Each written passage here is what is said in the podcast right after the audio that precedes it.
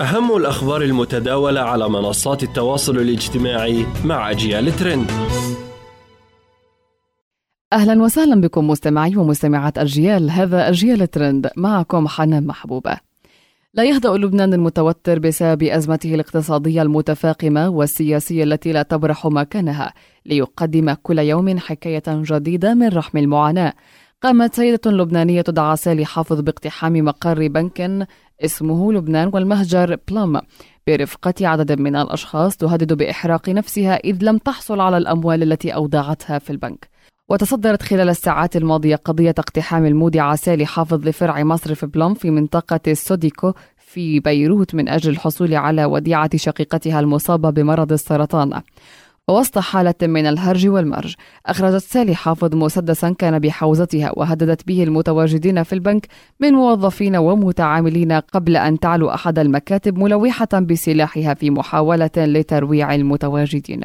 غادرت سالي البنك بعد حصولها على ثلاثة عشر ألف دولار ونحو ستة ملايين ليرة لبنانية من أموالها وقالت إنها أودعتها وأرادت استعادتها من أجل علاج شقيقتها نانسي المصابة بمرض السرطان.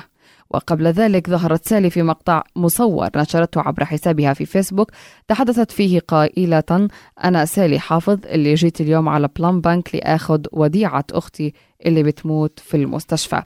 ونالت سالي الدعم من الشعب اللبناني الذي بنسبة كبيرة منه أشاد بالذي قامت به وتفاعل كثير من النجوم اللبنانيين مع القضية. كان من بينهم الفنانة اللبنانية إليسا وراغب علامة وماجي بوغصن وعبر حساب منسوب لها ومعنون باسمها قالت سالي الدولة كلها تحت بيتي وأنا صرت بالمطار بشوفكم بإسطنبول. تشاو. وكانت سالي قد نشرت قبل اقتحامها البنك صورة لشقيقتها نانسي وهي ترقد على سرير العلاج في إحدى المنشآت الصحية في البلاد. وأكدت أنها أودعت 20 ألف دولار في البنك لكنها لم تستطع الحصول عليها بسبب مماطلة البنك الذي عرض عليها 200 دولار كل شهر حتى استرداد المبلغ كامل. وهو مبلغ لا يساوي ثمن الحقنة التي تتلقاها شقيقتها يوميا. على حد قولها. انقسام بين مغردين في مصر بعد تحذير من تداولها حول البنك المركزي والعملات المشفرة فما القصة؟ أثار تحذير البنك المركزي المصري من تداول العملات المشفرة ردود فعل مختلفة عبر مواقع التواصل الاجتماعي في البلاد إذ اعتبر البعض القرار مهما للحفاظ على الاقتصاد المصري من عمليات احتيال كبرى مثل تبييض الأموال وتهريبها بينما رأى آخرون أن وراء هذا القرار زيادة في تحويلات المصريين في الخارج بالعملات الرقمية غير تغيير معلومة القيمة أو الضرائب.